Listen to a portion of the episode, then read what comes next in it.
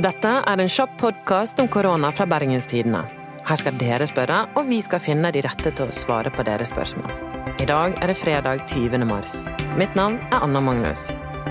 Henrik Svanevik, produsent og kollega. Hva er det folk lurer på i dag?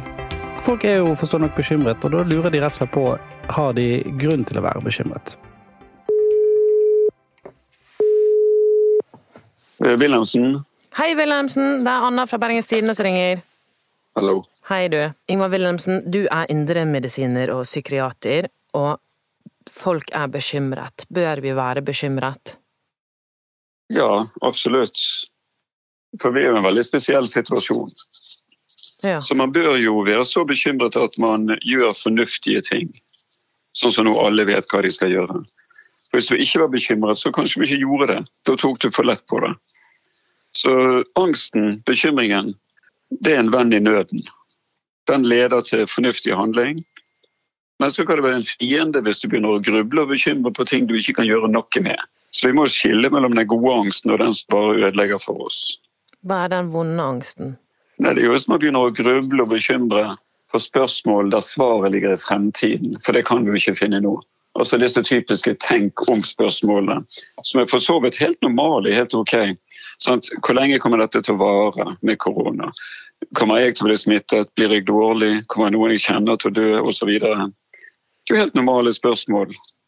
Men alle sånne katastrofetanker, tenk om, enn hvis, der ligger jo svaret i fremtiden. Så det kan vi ikke finne nå. Så det vi må øve på Vi kan ha disse spørsmålene, de kan komme og gå, men ikke gi dem kraft og næring. Ikke følg dem til the bitter end, til du liksom ligger i respirator osv. Men hva tenker du om Nå er vi på en måte et helt land og en hel verden som kanskje er i denne kollektive frykten sammen. Har, ja. Er det noen andre mekanismer som trer i kraft da? Nei, Det kan jo være noen gode mekanismer i den forstand at vi er jo nå i samme situasjon alle sammen. Et visst sånn eh, fellesskapsfølelse. Nå er alle litt engstelige, alle må tåle usikkerhet og risiko. Og det er jo ikke sånn at det er noe helt nytt med usikkerhet og risiko. Det har jo skjedd ting hele tiden, alltid. Men det skjer ikke med alle samtidig. Det er er det nye. Så egentlig er dette en fin øvelse der alle sammen kan øve på å tåle risiko og usikkerhet. Og gjøre det vi kan. Det vi ikke kan gjøre noe med, det får ligge inntil videre.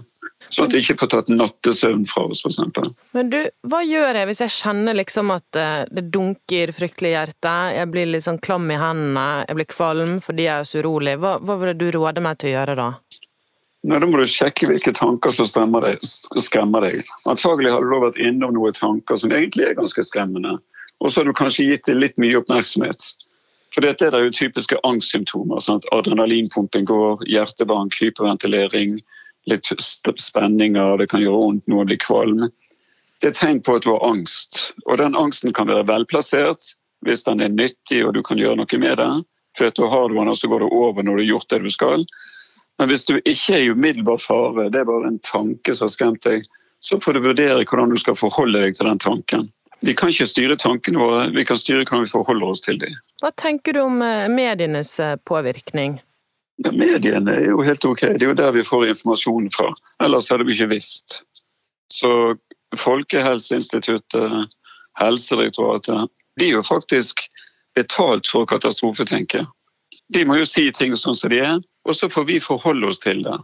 For Om vi hører eller ikke hører, stort sett hører vi, for vi kan ikke levere. Men du bør ikke høre hele tiden, selvfølgelig. Men vi må følge med. Vi må jo vite hva som skjer. Det er jo der vi får all informasjonen. Er du bekymret? Jeg er så bekymret at jeg holder meg nå mest hjemme, går turer, slapper av, sover godt om natten. Så jeg er jo litt bekymret, sånn at jeg gjør det jeg skal. Men det er ikke sånn at jeg er bekymret hele tiden. Jeg kan jo velge å tro at det kommer til å gå bra, selv om jeg er nå 70 år og i risikogruppen. Men da kan jeg velge å tro at det går bra inntil videre. Er det andre ting eh, som er viktig å få ut der, tenker du? Nei, Vi må kose oss. Altså, hverdagen er jo egentlig veldig ulik, sånn som den var, men samtidig mye likt. Vi har jo samme familien som vi hadde.